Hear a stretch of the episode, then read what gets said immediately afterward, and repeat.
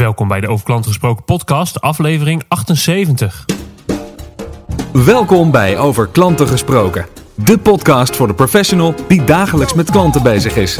Jouw wekelijkse dosis kennis, inspiratie en energie voor de volgende stap naar een betere klantbeleving. Met uw host, Sydney Brouwer.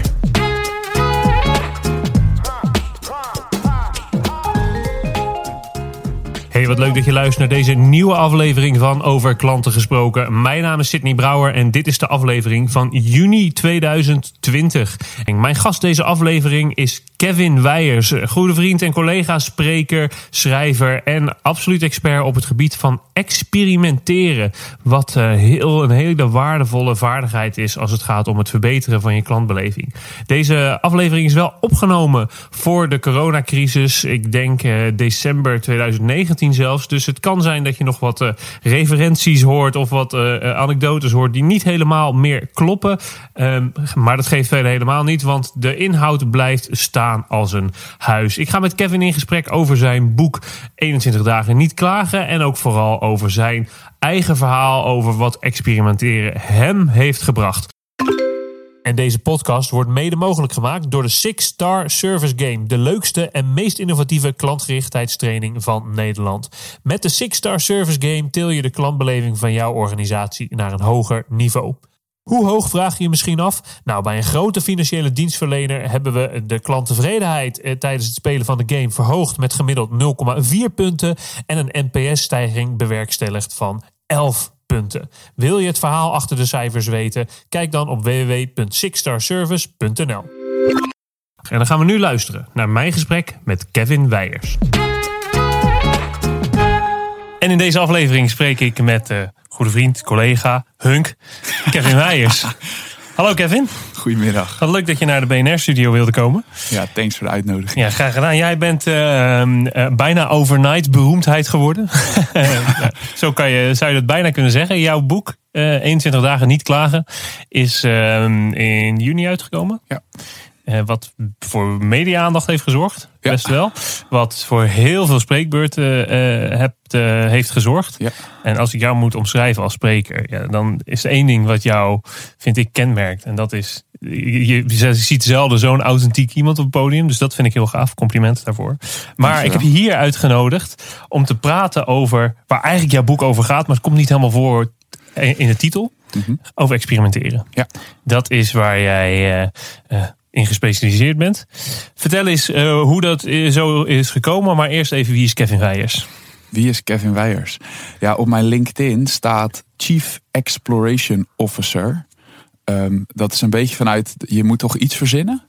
En um, dat is afgekort CEO. Ja. En um, mensen denken dus echt serieus dat ik dan soms directeur ben van iets. En dan, uh, nou, dat opent weer deuren. um, maar, Mooi experiment, ja. Chief Exploration Officer, dat gaat erover omdat ik, ja, ik, ik heb een project gedaan, tweeënhalf jaar lang. Inmiddels ben ik weer uh, gewoon terug in Nederland.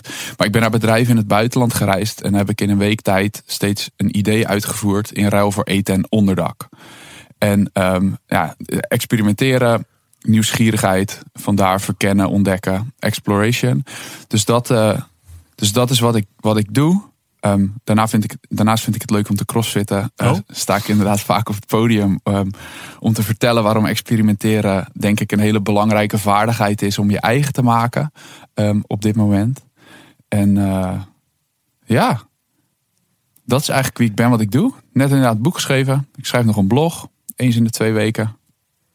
Ik vermaak me wel. Waar haal je de tijd vandaan? Ja, ik vermaak me wel. ja. ja, leuk. Hey, um, jij bent niet begonnen als explorer in, Nee. de, in de wereld. Waar, waar is het misgegaan? Ha. Um, nou, ik heb ooit voor de, voor de overheid gewerkt. Ik heb veiligheidskunde gestudeerd. Oh, ik ook. Serieus? Ja, één jaar. Echt? En is echt zo'n studie. Waarom ben je gestopt? Nou ja, omdat je er niks mee kan. Zeg maar, je, je, je, ja, je, leert van. Ik vind het onderwerp veiligheid vind ik eh, leuk. Vroeger wilde ik stiekem altijd bij de politie. Nou, dat is ook Heb ik ook. Daarom ging ik dat doen. Ja, Ja. Ik, en ik kwam van de HAVO toen ik 16 was. Maar Ja. toen was ik te jong om naar de politieacademie te gaan. Nou, en precies hetzelfde verhaal, wat, wat gaaf. En uiteindelijk hebben we toch allebei voor iets anders gekozen. Vooral toen ik het CEO zag.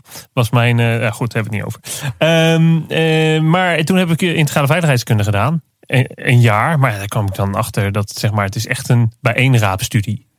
Ja, het, ik, toen ik hem deed, waar heb je het gedaan? Ik zat in Den. Haag. Ik, oké, ik zat in Den Haag, was, was net drie jaar oud of zo geloof ik. Ze waren Ja. het allemaal nog een beetje aan het ontdekken. Maar wat ik wel fijn vond, was dat je twee jaar, die laatste twee jaar moest ik al meteen gaan werken. Dus had je een leerarbeidsplaats. Dit is trouwens echt alleen leuk voor ons, dit gesprek. Nee, maar, ik ga de koppeling maken. mooi. Want eh, waar, waar begon het experimenteren? Ik moest dus eh, op een gegeven moment een leerarbeidsplaats vinden. Wat eigenlijk gewoon een ver- veredelde stage is. En ehm, dan moest je dus gaan vertellen van... hé, hey, ik, ben eh, ik wil een stage, maar ik ben duurder. Dat was eigenlijk wat, wat het was. Ja. Eh, want je moest 32 uur in de week werken, geloof ik.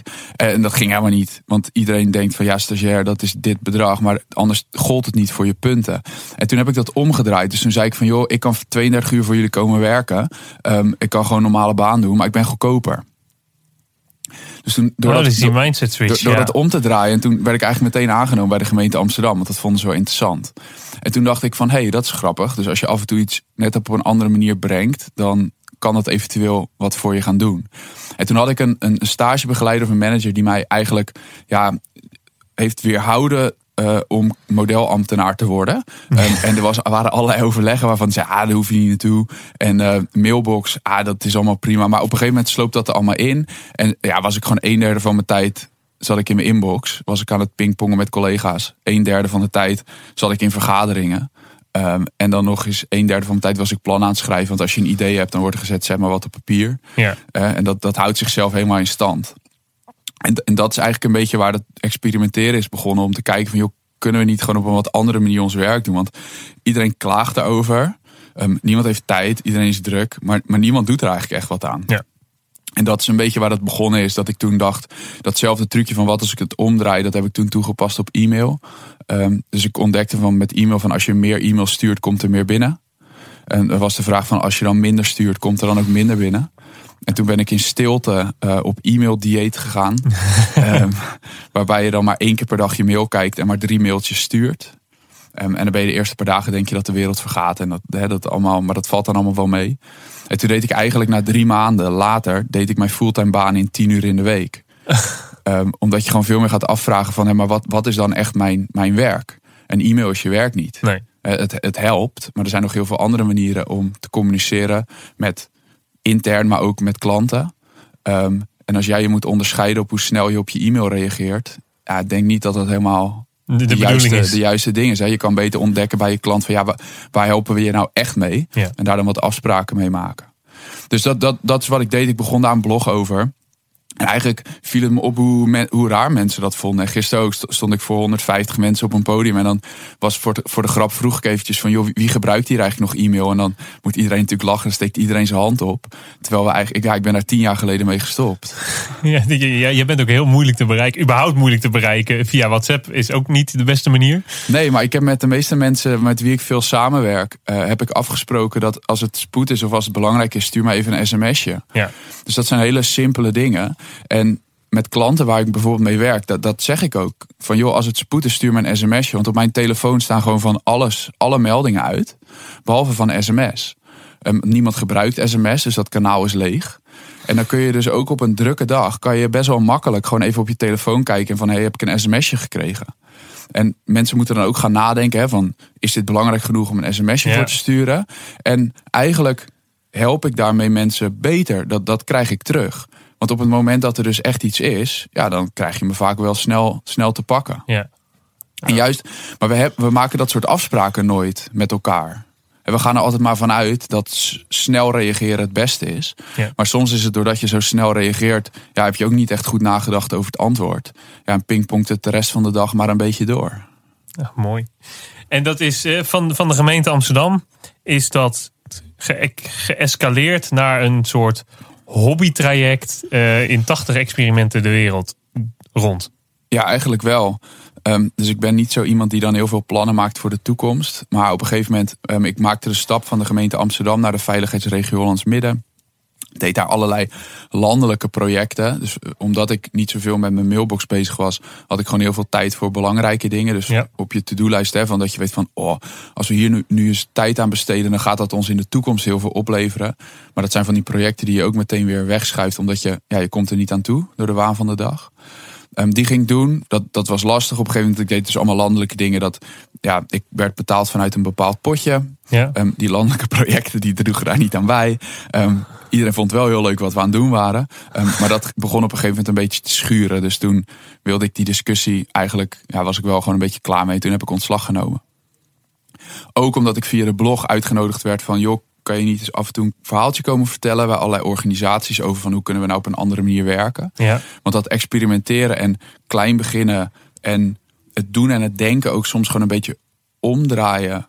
Dat is heel logisch, maar niemand doet het. Dus en wat ik daarmee bedoel is van vaak gaan mensen heel lang nadenken over wat ze allemaal willen doen. En dan vervolgens na drie maanden of zo dan gaan ze het doen en dan komen ze er eigenlijk achter ja, dat alles wat in hun hoofd zat, dat, dat klopte niet helemaal. Want die buitenwereld is heel anders. Ja.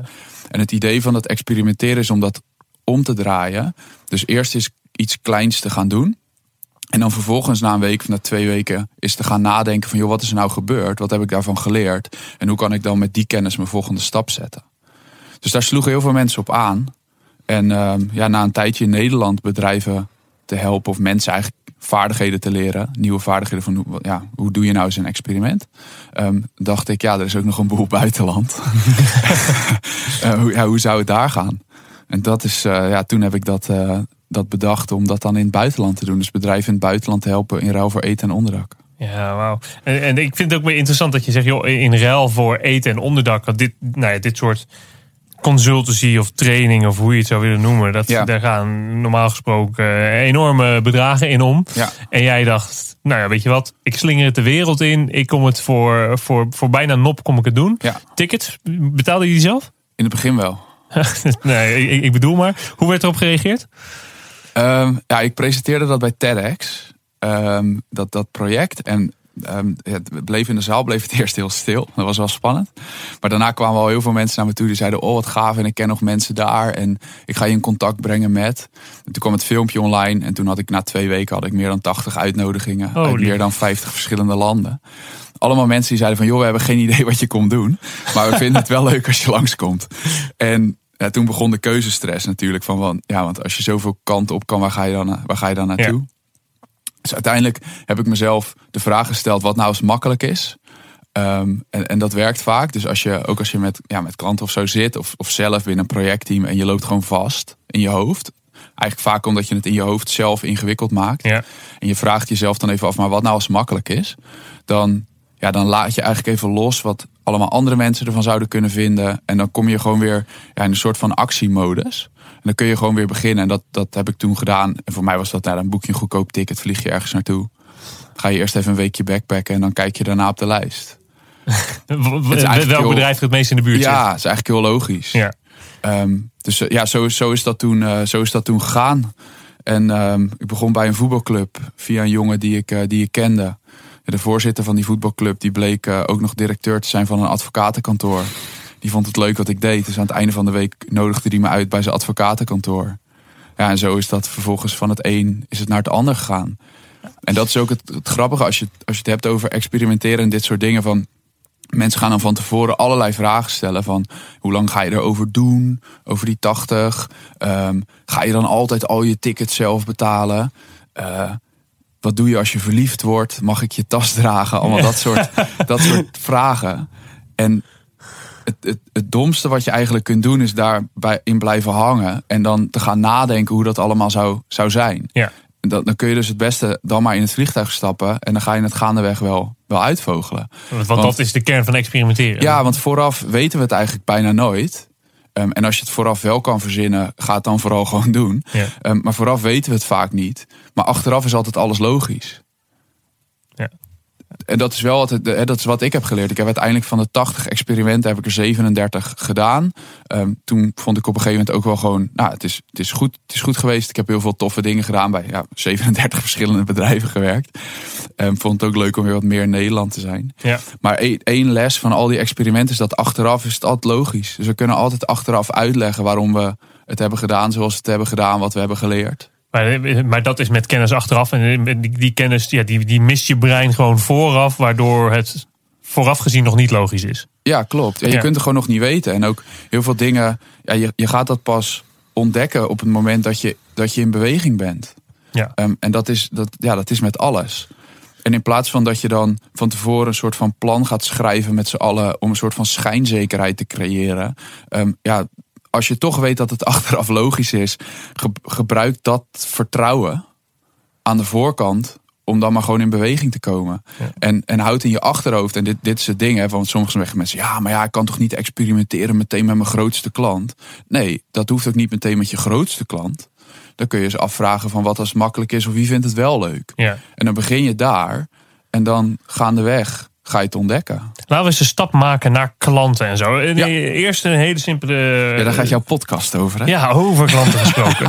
maar de eerste vraag die ik heb genoteerd, en dat is eigenlijk een hele makkelijke vraag, maar we gaan er toch even op in. Waarom is dat nou zo belangrijk tegenwoordig in organisaties? Experimenteren? Nou, ze zeggen dat de wereld steeds sneller verandert, hè? Eh, dat, eh, Dat is ongeveer de meest gehoorde Ja. zin eh, op het podium in elk Ja. geval. Ja. Nou, ten eerste, een van de redenen ehm, is denk ik dat, dat een wat meer experimentele manier van werken een veel leukere manier is Ja. van werken. Ehm, het is veel directere feedback. Je haalt veel, je ontdekt gewoon, je leert veel, veel meer. Ehm, het is een andere aanpak. Je zit minder dus in je inbox in vergaderruimtes en bent plan aan het schrijven. Je bent gewoon meer aan het doen. En ik denk dat dat over, over het algemeen gewoon een veel leukere manier is om, om je werk te doen. Dus Ja. dat, ik denk dat dat een hele belangrijke is. Maar wa- waarom het denk ik op dit moment een beetje een hot item is, is dus omdat heel veel is gewoon onzeker. Dus we weten gewoon niet zo goed wat er allemaal gaat gebeuren. We staan voor hele complexe uitdagingen in de zorg, in het onderwijs, in de financiële sector. Gewoon overal zijn hele grote, complexe dingen aan de gang. Ja, daar kun je geen plan voor maken. Nee. Dus je kan niet van tevoren voorspellen hoe je dat gaat oplossen. Dus En ook omdat als je een plan hebt, dan is, is de situatie alweer veranderd, waardoor die Exact. outdated is. Ja. Exact. Dus dan kun je je beter afvragen van joh, wa- wa- wat is een bepaalde aanname die we hebben? Of wat is een bepaald idee wat we hebben wat wel eens zou kunnen gaan werken? En dan kun je dus veel beter dat klein maken en in beweging komen. Want dan leer je heel veel. Ja. En dat is een beetje de truc denk ik op dit moment. Is kun je, ja, wie het meest leert wint. Ja, ja, ja. Mooi, wie, wie het meest leert, wint. Dus het gaat niet om eh, wie het best voor zijn klanten zorgt, wint. Wie, wie, wie, eh, wie het meeste geld verdient. Wie, eh, ehm, eh, wie, wie- nou ja, het heeft met innovatie natuurlijk te maken. Maar wie het meest leert. Uiteindelijk is- is leren, nieuwsgierigheid, leergierigheid de belangrijkste skill in organisaties. Eh, nou, ik, weet- ik weet niet of, of, er een, of er een ranglijst is. Maar ik denk dat het wel een hele belangrijke vaardigheid is om je eigen te maken. Ja. En daar kun je je klanten gewoon in betrekken. Ja, ja. Dus in plaats van dat je drie maanden lang intern plan aan het maken bent voordat je dat eens aan een klant voorlegt, ja, haal meteen eens een klant erbij. Ja. En, en vraag eens aan diegene van, joh, we zijn bezig, we hebben een idee. Ehm, wat vind jij ervan? Ja. Of, of zou dit iets zijn waar je wat aan zou kunnen hebben? En, en vaak vinden de klanten dat heel leuk Ja. als ze daarbij worden betrokken. Maar toch vinden we dat op een bepaalde manier ja, eng of spannend. Of, want dan moet je dus een soort van gaan, gaan toegeven dat je het eigenlijk zelf ook nog niet weet. Ja, ik zeg, eh, Remco Klaassen, grote held van mij, die zegt altijd: ja, wat nou in het ergste geval? Ja, in het ergste geval leer je wat. Ja, Voordat je verder luistert, wil ik je eerst kort iets vertellen over de Six Star Service Game. Dit is een digitale trainingsgame die zorgt voor meer enthousiaste klanten en medewerkers bij jouw organisatie. De inzet van de Six Star Service Game heeft een aantal grote voordelen ten opzichte van een traditionele klantgerichtheidstraining. 1. Het is leuker voor de deelnemers. 2. Het heeft een groter en langduriger effect. We spelen de game namelijk over 6 weken en omdat we er langere tijd mee bezig zijn, zorgt het voor een duurzame gedragsverandering. En tenslotte, punt 3, het is ook nog eens voordeliger. Je hoeft deelnemers namelijk niet uit de operatie te halen om ze te trainen. Ze spelen de game zo'n 10 minuten per dag. Wil je meer weten over de Six Star Service Game en hoe het jouw organisatie kan helpen om meer enthousiaste klanten te creëren? Kijk dan op www.sixstarservice.nl. En dan nu terug naar het interview van deze keer. Ik. Nee, niet. Oh. Oké, dit is. ik weet niet of ik dit eruit ga knippen.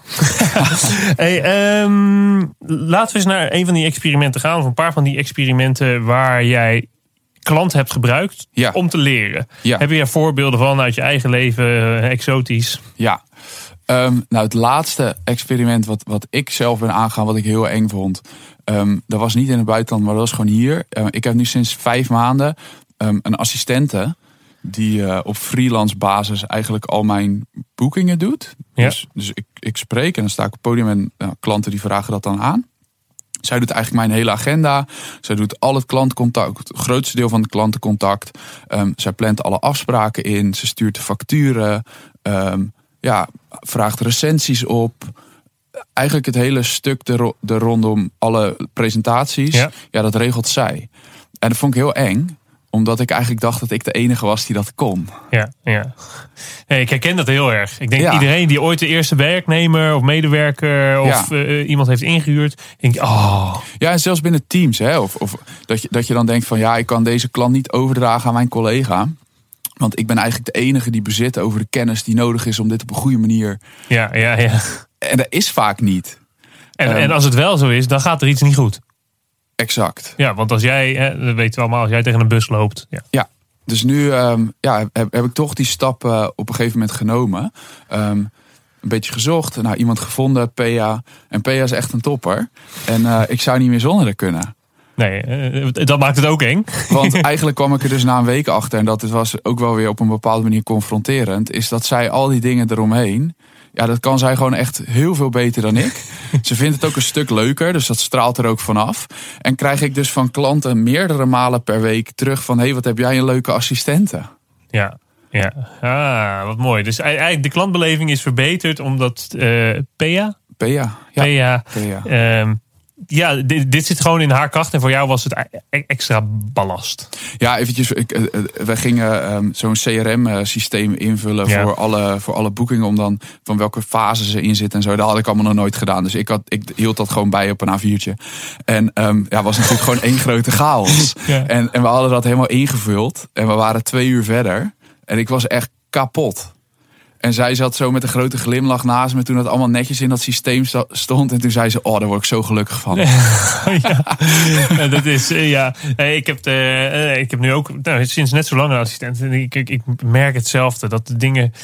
Structuur, ja, ik heb Ja. geen structuur in mijn hoofd. Het is, ik kan nog net plannen dat op de eerste dinsdag van de maand een podcastaflevering online komt. Maar verder is- vind ik het echt lastig. Maar iemand die mij aanvult, die daar heel goed in is, Ja. is niet altijd heel makkelijk om mee te werken. Ja. Omdat we op een andere manier denken. Maar het is wel heel erg aanvullend. Ja, en het leuke was dat op dit moment. Kijk, ik deed het ook wel een beetje qua tijd. En dat ik dacht van, nou, als ik dat dan niet hoef te doen, hou ik weer wat tijd over. Maar het, het blijkt dus dat het gewoon een hele goede stap is geweest, juist voor mijn klanten. Ja, ja. En want de dienstverlening is gewoon echt veel en veel beter geworden. Kijk, als ik gewoon een dag op pad ben, ja, ik kan niet altijd mijn telefoon opnemen. Ehm, ik kan ook niet altijd meteen op een aanvraag reageren. En als ik dan bijvoorbeeld terugbel en ik krijg die een dag later en ik krijg die klant net niet te pakken, ja, dan zijn er alweer drie dagen verder. En dat vind ik niet heel netjes. ja. Dus dat, ehm, ja, dat, dat, dat is er één. Ehm, ja, en eigenlijk in, in heel veel van die experimenten in het buitenland heb ik ook vaak gewoon aan het begin al de klant betrokken. Ehm, want de klant weet vaak gewoon het beste wat hij wil. Ja. En niet als je vraagt van wat wil je, want dan geven ze een soort van sociaal gewenst antwoord. Maar je kunt dus door op een wat andere manier vragen te stellen, kun je wel ontdekken van ja, wat, wat, iemand dan, wat iemand dan echt wil. Ja. Dus ik had bijvoorbeeld toen ik voor mijn boek ehm, ja, met een titel, eh, voor een titel ging, eh, moest gaan kiezen en ook de kaft, ja, dan ben je compleet. Je bent gewoon verliefd op je eigen concept. Ja. En dan kun je dus maar beter een potentiële klant erbij betrekken en even toetsen bij diegene van denkt zo iemand er hetzelfde over als, als ik. ja. Ehm, want je zit gewoon zelf in je bubbel. Hè, dus jij hebt een nieuw idee of je hebt een nieuw product of je hebt een nieuwe dienst. En dan ga je daar helemaal druk mee, want je vindt het geweldig. En dan lanceer je het en dan, ja, dan gebeurt er eigenlijk niks. Want die klant zit er misschien wel helemaal niet op te wachten. Nee. En dan kun je dus beter. Ik heb dan, en dan om aan te geven van hoe je dan op een andere manier vragen kunt stellen. Ik, volgens mij heb ik jou ook gebeld. Ja. maar Dan ga ik gewoon allemaal mensen bellen waarvan ik denk, hey, die zouden wel eens mijn boek kunnen gaan kopen. En dan vraag ik van, hey, lees je wel eens een boek? En dan zeggen mensen ja. En dan vraag ik, oké, ehm, hoe kies jij welke boeken je leest? En zeggen ze, ja, dan krijg je, wordt aanbevolen of ik ga wel eens een boekenwinkel in. Ik zeg, oh, oké. En als je dan een boekenwinkel in gaat, hoe, hoe werkt dat dan? Dan zeggen mensen, ja, dan loop ik naar die bestsellertafel. En dan, ik zeg, oké, en waar let je dan op? En dan zo word je gaandeweg en dan zeggen mensen van, nou, ik let op de, hoe de kaft eruit ziet, of het een aansprekende titel is. Ja. En dan langzaam ga ik naartoe waar ik heen wil.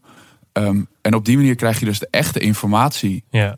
eruit. En op die manier kun je dus ook echt iets maken waar vervolgens een klant wat op, op zit te wachten. Want mijn titel was De wereld rond in 80 experimenten. Vond ik ook het beste. Maar ja. Ja. Maar ik kreeg dus als ik dat op een gegeven moment op die manier vertelde en ik, ik liet dat dus zien aan mensen of ik vroeg dat, dachten heel veel mensen dat het boek ging over goedkope tickets of over backpacken. Oh, En daar gaat het boek niet over. Nee. Maar ik heb dat concept in mijn hoofd dat de wereld rond in 80 experimenten gaat over hoe doe je experimenten. Maar als mensen dan dat zien en hebben zij er dus een andere associatie bij. En toen we het veranderden naar 21 dagen niet klagen en nog 33 experimenten, toen kwam die boodschap wel over. Zeiden mensen, hé, hey, maar de- de- deze zou ik altijd oppakken als die er ligt. Want Ja. klagen, ja. eh, Ja. en, en op die manier kom je er dus achter dat dat idee wat jij in je hoofd hebt, waar je verliefd op bent, ja, dat je dat wat beter los kunt laten. En dat was een vrij subtiele manier om dat dan met klanten te doen. Ja, ik, heb, eh, met Six Star Service, nieuw boek dat ik eh, aan het schrijven ben, daar heb ik ook twee koffers la- uiteindelijk laten maken. Er waren er zes gemaakt. Ik, wij hadden twee uitgekozen. En ik dacht, eh, één cover, ja, dat, dat wordt hem. Die vind ik heel gaaf, met de ondertitel erbij ook. Ik heb LinkedIn gegooid. En bijna unaniem kozen mensen voor de andere cover... die ik dus de minder goede vond. Maar Ja. blijkbaar de wereld eh, beter. Dus ja, dat is, je, leert er inderdaad van niet altijd op een hele leuke manier. Maar je moet wel, ja, want het is wel confronterend. En het is ook een beetje, je moet jezelf kwetsbaar op durven Ja. stellen. En, eerlijk durven te zijn. Dus je moet eerlijk zijn van, hé, ik weet het ook niet. En toch denken mensen vaak nog dat je klant het beste helpt door te doen alsof je het wel weet. Ja, Ehm, maar dat is ook wel vrij stressvol. En, en tuurlijk, hè, context is alles. Dus misschien is het niet het beste om dat te doen bij elke klant. Maar ik merk dus gewoon heel vaak dat juist door gewoon te zeggen: hé, hey, we weten het nog niet, maar ik heb er alle vertrouwen in dat we het gaan ontdekken. ja. Dat mensen dan ook nog wel denken: van, oh, dat vind ik eigenlijk ook nog wel tof. Ja, ja, ja. En eh, nou ja, ja, mooi. Dit is één verhaal dat, je, dat mij eh, bijblijft. En dat is eh, nee, de, de loopband. De heeft loopbandbureaus. Heeft, ook- heeft ook met klanten te maken. De loopbandbureaus. Ja, vertel. Ja. Nou, een loopbandbureau, dat is eh, wat je nu eh, in je hoofd hebt. Ja, Dus het is een loopband met een in hoogte verstelbaar bureau. En dan kun je wandelen terwijl je werkt. En eh, Jan, dat is een ondernemer, die zit in Kaapstad. die verkoopt die loopbandbureaus. En Jan, in het begin, toen, ja, toen zag hij dat ik daar was. En toen benaderde hij mij, want hij had, ja, had een uitdaging. Hij is ondernemer en verkoopt dus die loopbandbureaus, maar hij verkocht ze niet. en dan heb je een probleem. ja.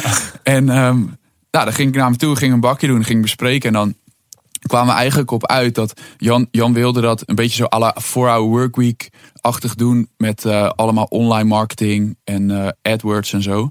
Ehm, en daar stopte hij best wel wat, eh, best wel wat budget in. Ehm, ja, om online zijn loopbandbureaus te promoten.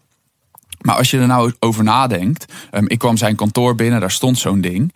Ehm, en zijn belofte is: je kunt wandelen terwijl je werkt. Nou, eigenlijk de grootste vraag die iemand heeft bij een loopbandbureau is niet van hoeveel procent word ik daar productiever van. Ehm, is dat goed tegen hart- en vaatziekten? Allemaal Nee. dat, soort, dat soort dingen. Wat wel in die online campagnes allemaal werd verteld. De grootste vraag is: kan ik überhaupt werken terwijl ik wandel? ja. En zolang je die vraag niet beantwoordt, ja, dan is de rest niet interessant. Want die dingen die zijn best nog wel duur, zijn iets van 13 of 1400 euro. Dus het is best wel een investering eh, als je dat zo'n ding wil aanschaffen. Dus toen, ik zei ook van Jan, allemaal leuk, maar werkt dat dan? Kan dat dan? En toen zei hij, nou pak je laptop maar, en zet maar neer. En dan zette hij hem aan op 2 km per uur. En dan ging ik wandelen en dan was ik aan het werken en dat ging prima. Na 10 minuten heb je dan niet eens meer door dat je aan het wandelen bent. En als je een zittend beroep hebt, is ideaal, kan Ja. je een beetje wisselen. Kan je staan, kan je zitten, kan je... Hè? Ik wandelde in een week, wandelde ik een marathon. en vervolgens was dus ook het idee van... ja, we, we hoeven niet mensen te overtuigen op argumenten... dat je er dus productiever van wordt. Het is denk ik veel beter om in die zin nieuwsgierigheid in je voordeel te gebruiken... en mensen te laten ervaren dat het werkt. Ja. Dus we willen gewoon eigenlijk potentiële klanten zo snel mogelijk op zo'n loopband hebben, zodat ze voor zichzelf kunnen ervaren wat het doet. En het idee daarachter was ook nog eens van als jij erop hebt gestaan en je hebt erop gewandeld, ja, dan is de kans vrij groot dat jij s'avonds eh aan mensen gaat vertellen, of het nou thuis is of op een feestje, van hé, hey, ik heb vandaag op een loopband gestaan, een Ja, loopbandbureau ja, gestaan. ja. Het is een leuk verhaal om te vertellen, dus benut dat. En toen hebben we dus gekeken van kunnen we nou die loopbanden niet op plekken zetten in de stad waar veel mensen samenkomen om te werken. Dus we hebben toen allerlei van die coworking spaces benaderd. Ehm, potentiële klanten. En gezegd van joh, zouden jullie het leuk vinden als wij zo'n loopbandbureau eens een weekje bij jullie neerzetten? En dit is een vrij cruciaal dingetje binnen dat experimenteren als je een klant erbij wil betrekken. leg ze dan vooral iets voor waar ze makkelijk ja op kunnen zeggen. Ja. En in dit geval um, hele makkelijke ja, want we zetten hem gratis neer. We komen hem brengen, we komen hem ook weer ophalen. En jij kunt als coworking space een extra service bieden weer aan jouw klanten. Dus het is win, win, win, win, win. Ja. We zetten op een aantal plekken zo'n ding neer um, voor een week. Wat voor ons vervolgens de gelegenheid gaf om gewoon eens uh, in het wild te observeren hoe mensen met zo'n loopbandbureau omgingen. Hè. Dus wij waren dan af en toe op zo'n plek. Gingen we gewoon kijken hoe dat ging. Van lopen mensen er langs? Valt het op? Gaan ze erop staan? Als ze erop gaan staan, hoe, hoe, hoe doen ze dat dan? Gaan ze random op knopjes drukken? Als ze aan het wandelen zijn, hoe hebben ze dat dan ervaren? Dus wij konden ineens heel veel vragen stellen. En we leerden super veel in die week. Ja. En we dachten van alles wat wij leren kunnen we vervolgens gebruiken in een nieuwe marketingcampagne. En aan het einde van de week gingen wij die loopbanden ophalen bij al die coworking spaces. En toen waren er twee die zeiden van weet je wat, Laat, ze maar staan. Want mijn klanten zijn er zo blij mee. Um, en het is zo'n gedoe om dat allemaal weer in Ja. te pakken. Ik koop ze wel. Oh, wow. En toen verkochten we dus ineens in een week twee van die loopbandbureaus. En dat was meer dan de maand daarvoor. Maar dat is door zo'n experimentje te doen. En als je die vraag die je net stelde van wat is nou het ergste wat er had kunnen gebeuren. Ja, dan hadden we ze allemaal weer opgehaald. Dan hadden we echt, echt heel veel geleerd die week. Ja. ja. Verkoopt hij ze nu wel? Hij verkoopt ze nu wel. Hij, hij, hij moest ze eerst per 50 inkopen. Dus dan had hij zo'n hele container. Toen um, was hij na drie maanden um, had hij ze alle 50 uh, verkocht. Dus met deze nieuwe strategie. En toen zag ik hem op Schiphol. En toen vroeg ik je hoe gaat het ermee? Toen zei hij, ja, helemaal fantastisch. Um, ik ben er alleen mee gestopt. um, want het was gewoon wel een complex product. En dan moest hij weer een shipment van 50 inslaan. En dat was best wel een financiering en Ja, een beetje ja. technisch. En toen zei hij, ik verkoop nu blenders. Hè, dat is ook, ook een gebruiksproduct, maar dan iets minder complex. Maar inmiddels, dat was leuk, was een paar, week, een paar weken geleden in Zuid-Afrika, heeft hij uh, de, de afspraak dat hij ze nu per 10 kan inkopen. Dus nu De bureaus. Ja, de bureaus. Of de blenders. Nee, Nee, de de- bureaus. ja. Dus nu verkoopt hij ze weer. En het gaat eigenlijk beter dan ooit. Ja, wat gaaf. Ja, superleuk. Um, Ik moest ook zo lachen. In jouw presentatie heb je dit, dit, dit ook verteld. En daar, eh, je, je, doet, je deed dit voor kost en inwoning. ja, En dan denk je, nou, dan huren mensen een hotel voor je of iets dergelijks, de Airbnb. maar jij ligt daar, eh, eh, zeg maar, in zijn kantoor. Als hij naar huis gaat, mag jij daar met, Ja. je, met je slaapzakje en een matje op de grond liggen. ja, in dit specifieke geval sliep ik inderdaad op een matras op kantoor. Hoe, Ehm, hoe vaak is dit gebeurd? Ja, wel vaker.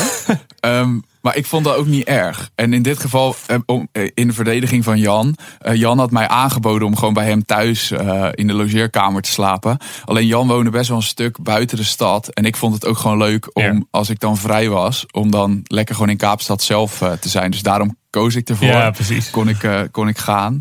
Nee, ja, nee joh, ik heb op de meest rare plekken geslapen. Uh, van oude treinstations tot uh, ja, hostels. Um, maar na Jan kwam ik bijvoorbeeld weer in contact met consul-generaal. Um, in, uh, in Kaapstad. Um, en een week later sliep ik in één keer in de privé-residentie uh, van haar. En had ik mijn eigen vleugel. Dus uh, hè, van, van de villa met zwembad. Dus um, ja, het, het ging. uh, het, het, het, wisselde nogal. Ja, wat mooi. Um, uh, 21 dagen niet klagen. Daar vinden wij uh, meer van deze experimenten. Daar heb je ze ja, allemaal in beschreven. Dat is het boek. Dat is ja. het boek. Uh, die vind je ook in de show notes en op kevinwijers.nl. Uh, je gebruikt in het boek, in je lezingen, uh, één metafoor. Ik wil niet gras voor je de mensen voeten wegmaaien. Oh, maar, mag hoor. Um, dat is de Tafelberg. Ja. Kan je daar nog iets over vertellen? Ja, want toen ik dus in Kaapstad was, um, ik, ik vertel dus altijd over experimenten. En mensen vinden dat toch lastig. Dus dan zeggen ze van ja, maar ja, als ik van tevoren niet helemaal weet wat er uit gaat komen, ja, is het dan wel überhaupt een moeite om te beginnen? En, en mijn stelling is juist dat het heel mooi is als je van tevoren nog niet helemaal weet hoe het afloopt. Ja. Want ja, dan ben je nog in staat om jezelf te laten verrassen. En dat kun je juist dan in je voordeel gebruiken. He, misschien, mensen denken dan altijd van... ja, maar als ik niet weet wat er uitkomt... ja, misschien komt er wel niks uit, dan is het zonde van mijn tijd. Um, mijn stelling is vaak meer van... ja, maar misschien komt er juist wel iets heel gaafs uit... wat je van tevoren niet eens had kunnen verzinnen. Ja. En dan is dus de enige manier om dat te ontdekken... is om, om te beginnen.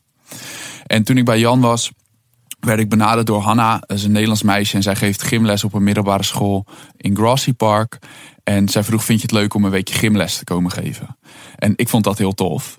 Um, dus ik ging met een grote glimlach iedereen vertellen... ik mag volgende week naar Grassy Park. Maar Grassy Park is een van de townships. En het leven is daar net even anders. Dus Ja. als ik dat aan iemand vertelde, dan zeiden ze... Ah, dat moet je niet doen. En dat hoorde ik een paar keer. Mensen zeiden ook van ja, maar worden, je spullen worden gejat. Ehm, misschien word je wel aangevallen. Misschien gebeuren er nog wel ergere dingen. En toen dacht ik op een gegeven moment, ja, weet je, misschien moet ik dit dan toch maar niet doen. Ja. Hè, wat is het ergste wat er kan gebeuren als je fysiek in gevaar komt? Is dat misschien eh, Meer de- dan, je, grens. dan dat je wat leert. Ja, ja. precies. En ik zei dat tegen Jan. En, en Jan zei van ja, maar ja, je hebt het ook altijd over betere vragen stellen. Hè? Dat, daar hebben we het net ook over gehad. Ehm, ik zeg ja, dat, dat is ook wel zo. Hij zegt nou weet je, de volgende keer als iemand dan zegt van daar moet je niet naartoe. Dan vraag je gewoon wanneer, is die, wanneer ben je daar dan zelf voor het laatst geweest?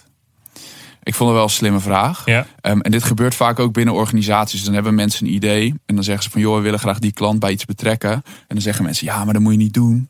Want, en dan komt er een of ander verhaal. Ja. En dan kan je gewoon vragen, oké, maar wanneer heb je dat dan zelf voor het laatst geprobeerd? En heel vaak is het antwoord dan niks. Dan worden mensen stil, want dat hebben ze helemaal nog nooit geprobeerd. Ja. En dan kan je gewoon weer door. En, dat was, en dat was in dit geval was dat ook zo. Kijk, ik, ik vroeg dat en dan zei ja, niemand was daar ooit geweest. Want iedereen vertelt elkaar dat je, niet, dat je er niet naartoe moet. Ja. Dus niemand gaat. En toen ben ik dus wel gegaan. ehm, ook gewoon omdat Hanna zei van joh, het is hier helemaal, het is helemaal veilig. En ik kwam dus op die school. En ik gaf les op een, op een grasveld achter die school. En het was dus aan de andere kant van Tafelberg. En we hadden een super toffe week. Die kids vonden het gewoon onwijs tof dat ik er was. Die waren heel open. Ehm, dat ik geen vooroordelen had. Dat ik vragen stelde. Dat ik met ze meevoetbalde. Dat ik met ze meespeelde. Vonden ze gewoon echt heel gaaf. Ja. En op de laatste dag dat ik daar op dat grasveld stond. ehm, en eigenlijk een beetje om me heen aan het kijken was. Omdat ik dacht van ja, het is jammer dat ik hier weer wegga. Terwijl ik eigenlijk eerst bang was om er naartoe te gaan. Ehm, ja, viel het me op dat er in de verte was een rij bergen. En ehm, ja, voor de mensen die niet in, eh, in Kaapstad zijn geweest, Tafelberg is, is een platte berg. Daarom Ja. heet hij de, de Tafelberg. Alleen het ding is dat als je dus aan de andere kant komt in, in Grassy Park. En je ziet dan die, die heuvels, dat is de achterkant van Tafelberg. Maar aan de achterkant is Tafelberg niet plat. En dat raakte bij mij wel, want voor mij was dat het besef van, weet je, je, je, je kunt maar op één manier ontdekken dat de Tafelberg aan de achterkant niet plat is. En dat is dus door in beweging Ja. te komen en het te gaan ontdekken. Want je kunt googlen wat je wil, maar je vindt nooit een plaatje van een platte Tafelberg. Je kunt het aan andere mensen vragen, maar niemand gaat tegen jou zeggen: Tafelberg is niet plat. Want Nee. daarom heet hij zo sukkel. Ehm, dus je kunt alleen maar door juist van tevoren los te laten wat er allemaal gaat gebeuren. En juist jezelf die ruimte te gunnen dat je het nog niet weet. Dan kun je dat soort dingen gaan ontdekken. Ja. Ehm, en ik denk dat dat, ja, dat, dat, dat- ik, ik gun dat iedereen. Dus dat is, de, ja, dat is de metafoor die ik gebruik van laat nou gewoon los dat je van tevoren altijd maar moet weten hoe het afloopt. Ehm, weet je, je gaat, als je dan in beweging komt, ga je gaandeweg antwoorden vinden op vragen waarvan je van tevoren nog niet eens wist dat je ze had. Ja. Maar dat kan pas als je in beweging bent. Blijf bewegen, blijf experimenteren Ja. en betrek je klanten erbij. Dat is hem. Ja, die vinden dat vaak heel leuk. Ja, ja, ja. Eh, wil je meer hierover weten? Eh, zoek op eh 21 dagen niet klagen. Een heel leuk boek. eh, inmiddels 17e druk volgens mij in, eh, in, in drie maanden.